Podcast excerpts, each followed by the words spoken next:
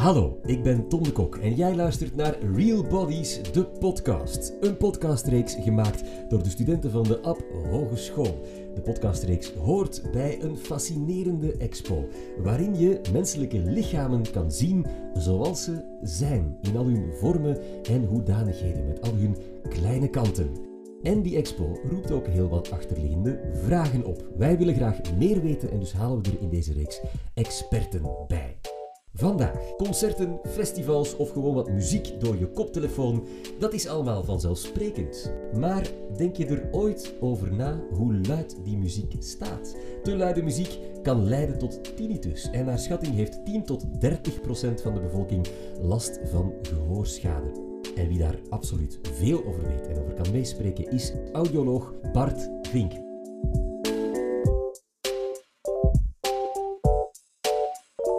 Bart, welkom. Dank u wel. Hoor jij zelf goed, Bart? Ik hoop het. Eh, ik heb toch regelmatig als audioloog meet ik ook zelf mijn gehoor. En eh, in tegenstelling tot vele jonge mensen heb ik eh, op, dit toch, op dit moment toch nog altijd een heel goed gehoor. Ja. ja. Wat doet een audioloog? Misschien moeten we daar eens mee beginnen.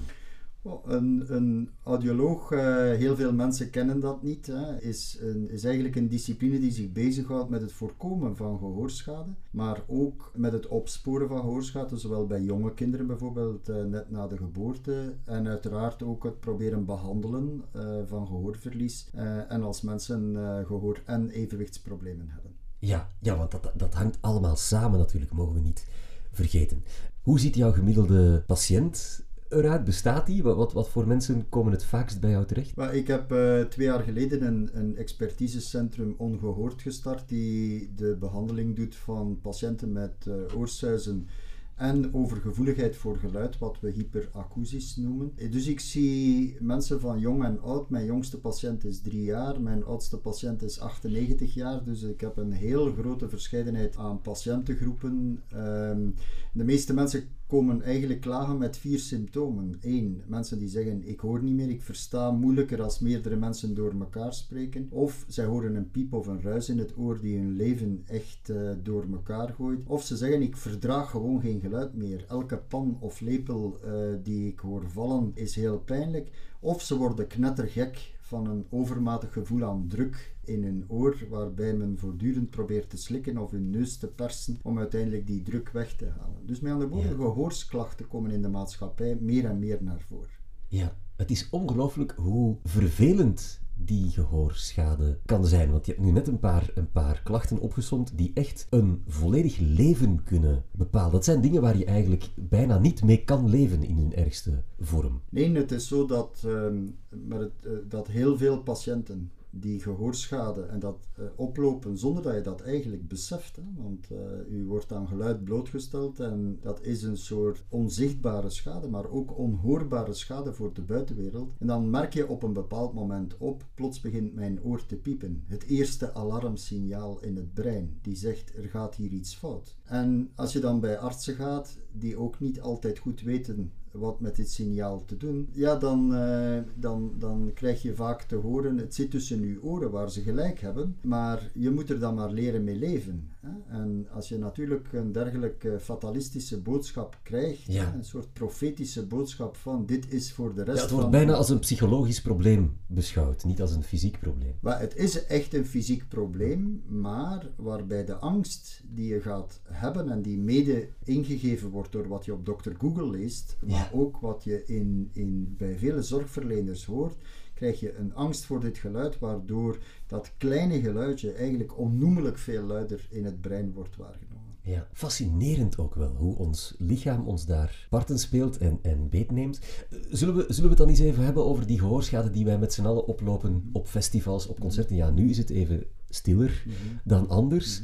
Uh, vind, vind je dat een goede zaak dat onze oren ook even rust krijgen tijdens Wel, corona? Beter dan dat kan het niet worden voor gehoorschade, maar, maar en ik, uh, ik wil daar toch even op wijzen, dat ondanks het feit dat er nu geen festivals en concerten gegeven worden, en dus eigenlijk minder gehoorschade zou moeten ontstaan, zie ik toch ontzettend veel jonge mensen, zelfs nog meer dan vroeger, die eigenlijk uh, last hebben van gehoorschade ten gevolge van heel andere blootstellingen. Urenlang naar Netflix Ja. eh, binge-watching. Fortnite eh, met een ja, grote koptelefoon Ja, op. urenlang videogamen, Ja. eh, spelen met een koptelefoon op. Dus geluidsblootstelling is niet enkel festivals en muziek, Nee. maar is ook persoonlijke muziekbeleving en het zich laten blootstellen aan luide geluiden via televisie kijken en dergelijke. Ja. Dus persoonlijke geluidsblootstelling is in de maatschappij sterk toegenomen. Eh, jij zit nog niet zonder werk, hè? Dat, dat onthoud ik. Kunnen we, kunnen we daar dan toch misschien even... Ja, we, vragen ons allemaal af van... Ja, maar ja, wacht, ik wil dat niet voor hebben natuurlijk. Maar ik wil ook wel eens naar luide muziek luisteren en eens naar een feestje gaan. Wat is het advies dat jij geeft? Vanaf wanneer moeten we gaan lopen? Moeten we onze oren dicht houden? Wat zijn tekenen van... Oei, het gaat hier te ver. Als ik nu niet oppas, dan zit ik met schade. Wel, een, een eerste heel belangrijke boodschap naar iedereen is dat geluid iets goed is. Dat eh, het luisteren naar muziek een zeer gunstig invloed heeft op ons brein. Eh, men heeft vastgesteld dat als je naar muziek luistert, je brein eigenlijk helemaal tot rust komt. Dus het creëren door de media van angst voor geluid en het zich overmatig gaan beschermen eh, voor geluid is geen goede zaak. Het downloaden van apps op je telefoons om het in kaart brengen van geluid, geluiden en zeggen ik ga van iedereen die ik in mijn buurt komt het decibelniveau gaan meten. Ja goed, dit is geen goed idee omdat je dan nog angstiger wordt voor geluid. Anderzijds is het natuurlijk wel zo dat overmatig geluid u ook blootstelt aan, aan risico's. Ja. Maar dat overmatig geluid heeft niet alleen met decibels of sterkte van geluid te maken. Niet elk luid geluid is schadelijk. Nee, correct. Maar waar zit het dan wel? Wel, het zit in de dosis die je gaat opbouwen. De geluidsdosis die je per dag, per week, per maand in gans je leven opbouwt. En het is zo dat als je gaat kijken wat jonge mensen de dag van vandaag vaak doen, eh, is dat ze naar een concert gaan, naar een fuif gaan, naar de bioscoop gaan enzovoort. En het aantal elementen die je per week gaat opbouwen, worden zo groot dat je uiteindelijk aan meer decibels wordt blootgesteld gemiddeld dan een staalarbeider in Sidmar eh, of ArcelorMittal. Ja. Eh, met andere woorden, de eh, schade, gehoorschade, het risico op gehoorschade hangt eigenlijk af van twee belangrijke factoren. De sterkte van het geluid en de duur waaraan dat je bent blootgesteld. Dus je mag eigenlijk aan behoorlijk veel lawaai blootstellen. Geluid wordt pas gevaarlijk als je moet roepen om elkaar nog te verstaan op een meter afstand. Dus Oh ja. een heel concrete regel. Ja. En dat aantal momenten dat je dat tegenkomt is beperkt. Hè. Als je echt gaat, gaat kijken wanneer moet ik echt roepen, dan denk je aan, aan fuiven, concerten. Op de eh, eerste rij van een eh, festival. ja, een festival, klassiek voorbeeld. Ja. Maar dat mag je dus wel eventjes doen. Je Dat mag, mag één je concert doen. op de eerste rij Ja, zien. mag je gedurende een aantal uren eh, hebben, op voorwaarde dat je dat niet elke dag die week doet. Ja.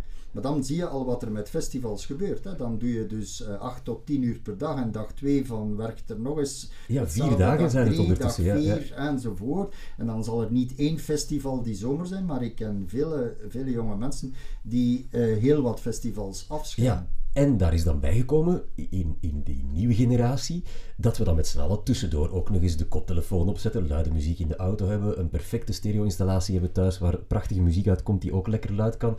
Dat er is nergens nog rust. Hoe, hoe zou jij dan adviseren om je oren rust te gunnen na zo'n weekendje Werchter? Wel, je moet eigenlijk 24 tot 72 uur na blootstelling eigenlijk zorgen dat je, laten we zeggen, eh, geluidsarm gaat eh, luisteren. Hè? Dat je rust brengt in de oren, voordat de cellen in het binnenoor, onze gevoelige pianocellen in het binnenoor, tot rust kunnen komen, maar dat ook het brein tot rust kan komen. Hè? Eh, want het is zo dat overmatige prikkeling aan geluid niet alleen gehoorschade leidt, maar ook op het lichaam heel negatieve elementen heeft. Dus overmatig horen is niet alleen slecht voor de oren, maar is ook slecht voor het hart, het bloedvatsysteem enzovoort. Je ziet dat mensen die heel lang in lawaai werken, of die regelmatig aan hevig lawaai worden blootgesteld, bijvoorbeeld mensen in callcenters die Ja. de hele dag een koptelefoon op het oor hebben, je ziet dat er zoiets bestaat als een soort chronisch vermoeidheidssyndroom van het oor. Ja. Mensen worden moe, leidt tot een verhoogde hartslag, bloeddruk die stijgt enzovoort. En de WHO, de Wereldgezondheidsorganisatie, heeft daarom heel duidelijk gezegd: overmatig geluid is niet alleen gevaarlijk voor slecht horen op langere termijn, maar ook zie je dus een enorme toename van het aantal mensen met hart- en vaatziekten. Het is een vorm van stress. Het is een vorm van stress, Ja. ja. Die bescherming die we onszelf dan eh, al dan niet hebben aangepraat, hè, want je zegt net zelf, mensen beginnen apps te downloaden en zo. Vind je het een goede zaak dat mensen zich toch iets bewuster zijn van de mogelijkheden van gehoorschade en dat bijvoorbeeld steeds meer jongeren met op maat gemaakte oordoppen rondlopen op een festival? Helpen die dingen? Ja, absoluut. En men zou ze eigenlijk moeten verplichten. Ja, maar dan denk ik, als iedereen die oordoppen in heeft, kan je net zo goed de muziek een beetje stiller zetten. Uh, nee, maar dat, dat, allee, dat, dat, dilemma is een, uh, is een foutief dilemma. is fake news. Ah ja. Want uh, als je met 100.000 mensen op een grasweide zit, dan maken die 100.000 mensen alleen al 80 tot 85 decibel geluid. En dan moet je, als je de muziek daarboven wilt krijgen, moet je die muziek wel luider zetten. Uh, anders wordt de muziek helemaal niet meer gehoord. Nee. Dus je zit eigenlijk met een probleem dat als je geluid, de muziekbeleving nog wil hebben, door een massa-evenement te creëren. Ja. Hè? Want u kunt zich de vraag stellen, het is misschien interessant om dit te zeggen, waarom willen wij het graag zo luid Ja, ja, ja, natuurlijk. Ja, dat ging mijn volgende vraag worden. Van, ja, het is natuurlijk ja, wij- waarom Ja. willen wij dat zo graag zo luid hebben? Wel nu, dat is de fout van de vissen. Wij hebben, en dit is, dit is een perfecte plek om dit te bespreken, hè? wij zijn embryologisch, hè? eh, zijn wij eigenlijk afkomstig van een vis. Hè? Hier zijn embryo's op de tentoonstelling zichtbaar, hè? waarbij je eigenlijk ziet dat je een klein wormpje bent en de, onze oren zijn eigenlijk ontstaan uit de kieuwbogen eh, en, eh, van, van vissen. En Ja. ook vissen hebben een, een oororgaan die goed lijkt op dat van ons van binnenin. En elke vis heeft zo'n klein blaasje in het oor zitten. En dat blaasje heet de sacculus in het Latijn, Mhm. letterlijk klein zakje. Hè. En dat kleine zakje wordt geprikkeld bij luid lawaai. En wanneer twee vissen tegen elkaar botsen langs de zijkant, want hun gehoorsorgaan ligt op een soort eh, zijlijn op Ja. hun lichaam, dan worden hun gehoorsorgaan geprikkeld en krijgen zij zin om te paren. Nu, dat is vanaf een niveau van ongeveer 80, 85 decibel. Nu, bij mensen werkt ons oorsysteem gelukkig niet op dezelfde manier en hebben mensen geen zin om te paren vanaf 85 decibel. Ja. Of wij zouden op, eh, op festivals heel andere fenomenen Het gebeurt, maar er zijn Eh, andere factoren die daar een rol spelen. Ja, ja, dat- absoluut. Eh, maar het is zo dat wanneer je aan 80 of 85 decibel of meer wordt blootgesteld, krijg je dezelfde effecten in het lichaam bij de mens, namelijk adrenaline wordt vrijgesteld, de hartslag neemt toe, de bloeddruk stijgt. En een tweede heel belangrijk element, vanuit dat blaasje vertrekt een prikkel via de zenuwbaan naar de ledematen. En die zorgen ervoor dat onze ledematen in beweging worden gezet. En u moet maar eens zelf het experiment doen. U gaat in de auto zitten, u hoort een leuk nummer op de radio, u zet de radio keihard. Dan moet u eens naar de kilometerteller kijken. Ja. U gaat automatisch sneller rijden. Dus het effect van geluid, wanneer het luid is, is dat wij allemaal een kick krijgen, dat de hartslag toeneemt, bloeddruk stijgt, prikkels naar de ledematen. Wij beginnen zelfs te dansen op Ja, lawaai, die absoluut. niets anders is dan het in beweging zetten van de ledematen. Maar de natuur heeft dit iets anders bedoeld. Ja. De natuur heeft gezegd, ik ga de hartslag doen toenemen, adrenaline pompen, eh, ledematen in beweging zetten. Waarom? Om weg te lopen. Om te vluchten van het lawaai. Ja. En wij doen vluchten er wij? Wij blijven allemaal staan en wij vinden het nog leuk ook. Dat heet de, de secular pleasure theorie. Ja. Voilà, want wij zoeken dus de kick van het geluid. Zoeken geluid is een druk geworden. Daarom staan we daar, in de Ja, discotheek. Absoluut. Die oordoppen, die, die zijn dus een goede zaak, daar waren we daarnet Mhm. begonnen. Die zouden we met z'n allen verplicht moeten dragen. Zijn er nog andere beschermingsmaatregelen? Maar ik wil daar nog heel één over Ja. zeggen. Een werknemer, bij wet, de wetgeving in ons land voor werknemers maakt dat iedereen die uit een arbeidscontract heeft, iedereen die hier bijvoorbeeld in het Sportpaleis werkt, vanaf 85 decibel verplicht hoorbeschermers moet dragen. Ja, Dus iedereen die op een grasweide van een festival werkt, als kelner of om het even welke functie heeft, is verplicht van 85 decibel die te dragen. ja. Al de 100.000 jonge mensen die daar staan, niet. Nee, die mogen in hun ongeluk lopen. Wel, nog eens, Ja. afhankelijk van of je gevoelig bent of niet, want daar hangt het ook een stuk van af, Ja. zal dat risico groter zijn of kleiner zijn. Maar goed, je neemt dan wel een risico. ja, we staan daar met 80.000 op die wei van Werchter, maar we krijgen niet allemaal gehoorschade.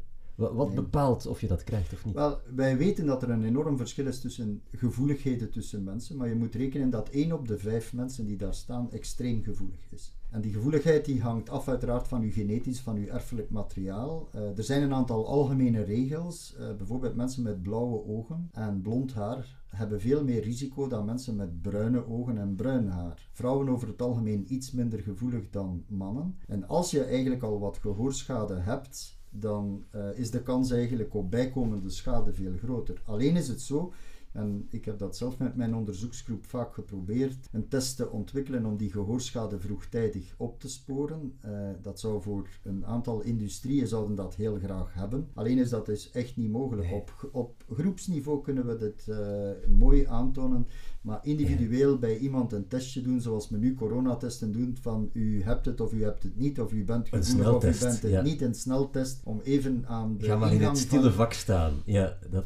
Maar, dat, wat fascinerend wat je net zei, dus Ariërs hebben slechtere oren dan de rest van de mensen. Dat heeft te maken met het feit dat de stoffen die in het oor worden vrijgesteld uh, groter zijn. Hè? Dus wij stellen dus Hitler, dus ja. Van, ja, ja, misschien ja, ligt het wel aan hem. Ja. ja, maar straf, heel straf. Ik, ik, leer hier aan de lopende band bij. Da, dan zijn we gekomen aan, ja, de beschadiging is er. Wat dan? Want ik heb bijvoorbeeld al gehoord dat als je gehoorbeschadiging hebt, dat je snel moet zijn. Dat je mhm. snel een behandeling moet krijgen. Mhm. Klopt dat? Wel, als er... Uh, de meeste gehoorbeschadiging valt niet op. Hè? Het is een soort latente, verborgen fase. Hè? Dus gelukkig hebben we 10.500 van die cellen in uw binnenoor zitten. En er mogen er toch al wat kapot gaan vooraleer je de eerste tekenen krijgt. En het eerste teken is oorsuis. Het eerste teken, alarmsignaal is dat er iets fout. Net zoals als je in je hand snijdt, pijn het eerste teken is. Om u te zeggen, er gaat iets fout met de integriteit van het lichaam. Dat wil zeggen, als je op dat moment luistert naar de boodschap, want als iemand aan uw voordeur belt en zegt: Ik heb gehoorschade, dan moet je best de deur open doen en zeggen: Ja, er is een probleem. Wat doen vele mensen die zeggen: Ja, ik heb een oorsuizen, ik laat de deur mooi toe en ik ga terug naar een volgende fuif en ik ga terug naar een volgende. Het zal wel overgaan. En het zal wel overgaan, of men denkt: Ja, dit is tijdelijk, dit herstelt. Nu, gehoorschade herstelt zich nooit. Nooit. Of, mensen schamen zich een beetje om er mee, meteen mee naar de dokter te gaan. Mensen willen niet dramatisch doen. Is het dat ook ja, een beetje? Ja, en ik denk dat het inderdaad alles wat met de oren is, is, is niet hip. Hè? Mhm. Het dragen van hoorbeschermers, als je aan jonge mensen vraagt waarom draag je ze niet, dan is het vaak dat men zegt van ze zijn te duur. Uh, of het is niet hip voor Ja, zoals het fluo-hesje. Ja, ah, We doen het uit achter de hoek als onze ouders niet meer kijken. En, en dus en, en ook een stuk uit angst dat men zal geconfronteerd worden met de boodschap: dit gaat nooit meer over. Dus de boodschap komt: je hebt oorsuizen. Wat doe je? Als je oorsuizen hebt en je hebt dit langer dan enkele weken. Als je dit langer hebt dan enkele weken, als je in het begin dit hebt, moet je je zeker geen zorgen maken. Rustig blijven is een teken dat je overmatig blootgesteld bent aan geluid. Vooral rust inbouwen, niet onmiddellijk uh, bouwen. Als dit blijft duren, is het belangrijk van contact op te nemen met de huisarts, om zeker te laten nakijken dat er geen probleem is aan het oor. En uh, eventueel contact op te nemen met een expertisecentrum zoals dat van ons, om verdere informatie te nemen. Maar zeker niet in paniek slaan, zeker niet angstig, want er is een oplossing voor het probleem. Het is ook niet nodig van onmiddellijk naar een ziekenhuis te gaan en hyperbare zuurstoftherapieën en dergelijke te starten. Nee, dat is enkel nodig als je samen met het oorsuizen plots helemaal niets of heel weinig hoort. Als oorsuizen gepaard gaat met heel veel gehoorverlies, is het zinvol om binnen de 24 tot 48 uur snel met een arts contact op te nemen. Maar dat is enkel wanneer oorsuizen gepaard gaat met plots horen. Dat komt zeer zelden voor. Dus de meeste mensen die last hebben van oorsuizen, die hebben een, na het verlaten van het concert of na een fuif of om het even wat, hebben zij oorsuizen. Meestal gaat dat binnen de 72 uur over.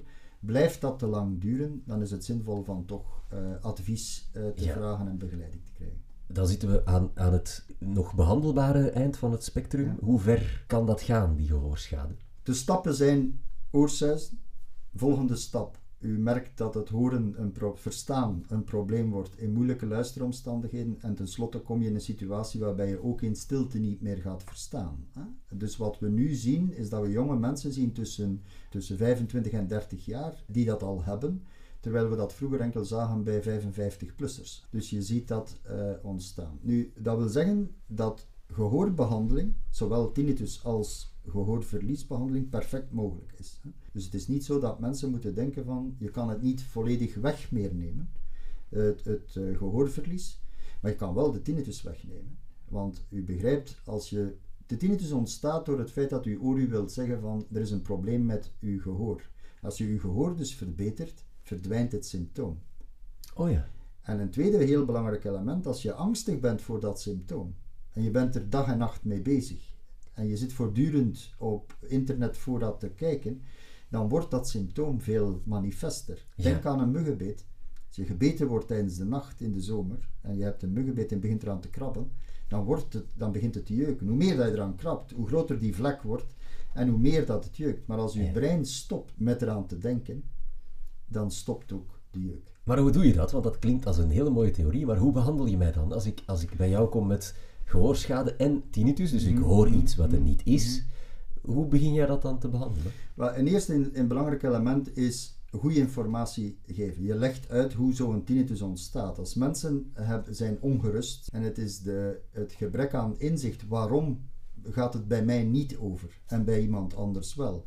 Twee, hoe krijg ik terug controle over mijn eigen leven? Dus hoe pak je dat aan eh, voor mensen die er weinig last van hebben? Want ongeveer 80% mensen met tinnitus die zeggen, ja ik hoor dat wel, maar ik heb er geen last van, alleen in stilte en als ik erop let. De 20% die hun leven helemaal door elkaar geschud zien en, en een invaliderend effect hebben, ja die moet je eigenlijk gaan helpen. En wat wij dan doen is niet alleen zeggen, dit is psychisch, dus ik ga u naar een psycholoog sturen elke week eens, of ik ga u naar de kinesitherapeut sturen om uw kaak te behandelen enzovoort. Nee, je moet eigenlijk met een heel team ervoor zorgen dat mensen zowel lichamelijk, hè, de spanning in de nek, eh, kaak, gewricht, de hals, maar ook eh, de manier waarop zij denken over het probleem, dit gaat nooit meer weg. hè. Vaak ondersteund door uitspraken van, van artsen of hulpverleners. Eh, en een derde element, de angst eruit trekken. Hè. Mensen met oorsuizen die worden op termijn eigenlijk levende hoge drukketels waarvan de stoom er letterlijk langs hun oren uitkomt. En als je thuis op je kookplaat een hoge drukketel hebt staan, hoe krijg je het geluid van de stoom weg door de kookplaat lager te zetten? Ja, ja, Dus rust vinden in het lichaam, controle krijgen over je eigen leven en ervoor zorgen dat je het symptoom kan vergeten en het nadien vergeten om te vergeten. Ja. Je zou audioloog, psycholoog op je visitekaartje moeten zetten, want het is, het is voor een groot stuk ook Het is een psychosomatisch. mentale, psychosomatische kwestie. Laten we het tot slot dan even hebben over niet de patiënt, maar de omgeving van de patiënt met gehoorschade, al dan niet gecombineerd met tinnitus, met het, het eh, horen van, zo, van zo'n piep of een, een, een suis of een, ja, in al zijn varianten. Hoe ga je daar het beste mee om met je partner of je beste vriend die met tinnitus te maken krijgt? Maar ik denk dat je als hulpverlener sowieso de partner er altijd moet bij betrekken. Hè? Want eh, ik heb mijn expertisecentrum ongehoord genoemd, omdat het ongehoord is voor de omgeving. Ja. Ze horen het niet, maar het is ook ongehoord hoe dat er met die mensen vaak wordt omgegaan. Hè? Ze worden Het kan ook- verstrekkende gevolgen hebben natuurlijk. Het kan mensen Voor je relatie bijvoorbeeld. Het kan, ik ben heel vaak relatietherapeut. eh, in in eh, mensen die, die ruzie maken in mijn consultatie. Vooral omdat mensen zeggen, jij mij altijd met uw gezag hè, over eh, wat hij hoort en ik hoor het helemaal niet. Dus belangrijk is dat je patiënten, dus de omgeving betrekt in het verhaal en ze eigenlijk ook eens confronteert met wat het is om niet te horen en geterroriseerd worden door een piep die je dag en nacht hebt in het oor. Anderzijds is het van belang van dat gehoor inderdaad te corrigeren, zodanig dat mensen niet meer het gevoel hebben, ik moet, eh, ik had zo'n koppel, de man ging altijd boven naar televisie kijken en de vrouw naar beneden, keken niet meer samen naar televisie, gingen ook niet meer samen slapen en met andere woorden, dan, dan breek je uit elkaar. Dus ik denk dat je begrip moet creëren, opnieuw door goede informatie te geven en goede begeleiding te geven voor beide partijen. Ja. Ehm, je hebt het hier al een paar keer aangehaald. Ons beeld van tinnitus en van gehoorschade, dat zint jou niet helemaal. Hoe ons dat door de media wordt voorgesteld, daar, daar schort iets aan. Wat moet er anders? Maar ik denk dat we geluid als een positief element moeten voorstellen. Ik denk dat jonge mensen geen angst mogen ingeboezemd worden eh, en gezegd worden van eh, als je tinnitus hebt is dit voor altijd. Als je ehm, het, het, het er, erbij horen is belangrijk, maar je moet dus een positief beeld creëren in de maatschappij. Twee, eh, je moet ook perspectief creëren en zeggen van kijk als je dit hebt dan kan er wel iets aan gebeuren. En eigenlijk moeten zowel hulpverleners beter opgeleid worden. Niet alleen op het vlak van de kennis van het oor en de werking van het oor, maar ook op de manier waarop dergelijke informatie moet gecommuniceerd worden. En dat eh, het belang van horen heel duidelijk aan jonge mensen moet gegeven worden en dat men de boodschap moet geven dat ze rust in hun leven moeten inbouwen en dat Ja. het niet heel de tijd luider en luider en luider mag gaan, maar dat we allemaal zelf eigenlijk die volumeknop met z'n allen ook wat stiller moeten zetten. En als je iets kan veranderen, en ik probeer dat bij mijn kinderen, heb ik dat eh, ook eh, soms vruchteloos geprobeerd, is als je moet kiezen, luister via een gewone hoofdtelefoon en niet via oortjes. Ja. Het is niet toevallig dat Apple nu met zijn AirPods is, is naar voren gekomen, gewone, maar dan worden die aan 695 euro verkocht, wat eigenlijk veel te duur is. Eigenlijk zie je op het straatbeeld, als je naar jonge mensen kijkt, en allee, het is bijna, als ik het uitspreek, denk ik aan de universiteit waar ik al al maanden en maanden geen studenten meer uh, op de campus heb gezien. Als je toen nog uh, studenten zag, dan zie je heel vaak uh, mensen met gewone hoofdtelefoons op. Hè? Dus Ja. het, het straatbeeld we hebben toch verandering kunnen creëren waarbij mensen zich bewust zijn van de mogelijke risico's. En dat is toch mooi. En je hebt maar één stel oren en die moet je onderhouden. En we hebben die ze allebei nodig. Ja, en ik onthoud vooral, we mogen zonder angst binnenkort, als het weer kan, zonder angst voor onze oren, de andere angsten zullen we niet bespreken, eh, mogen we genieten van een concert, maar Absoluut. daarna Absoluut. rust. Absoluut. Ja, de, alles met mate, zoals de beste dingen des levens. Dankjewel, audioloog Bart Vink, voor deze eh, verhelderende inzichten. Nog veel meer inzichten zijn dus te vinden in zijn kenniscentrum Ongehoord. Eh, als je vragen hebt, kan je daar terecht. Eh, jij daar, merci voor het luisteren. Vergeet niet dat deze podcast deel uitmaakt van een reeks gemaakt door de studenten van de App Hogeschool rond de expo Real Bodies. Je vindt ze allemaal terug op een podcastplatform naar keuze. Ik hoor je graag daar nog eens opnieuw. Tot een volgende keer. Dit was de podcast van Real Bodies, een samenwerking van het Sportpaleis en studenten van de App Hogeschool.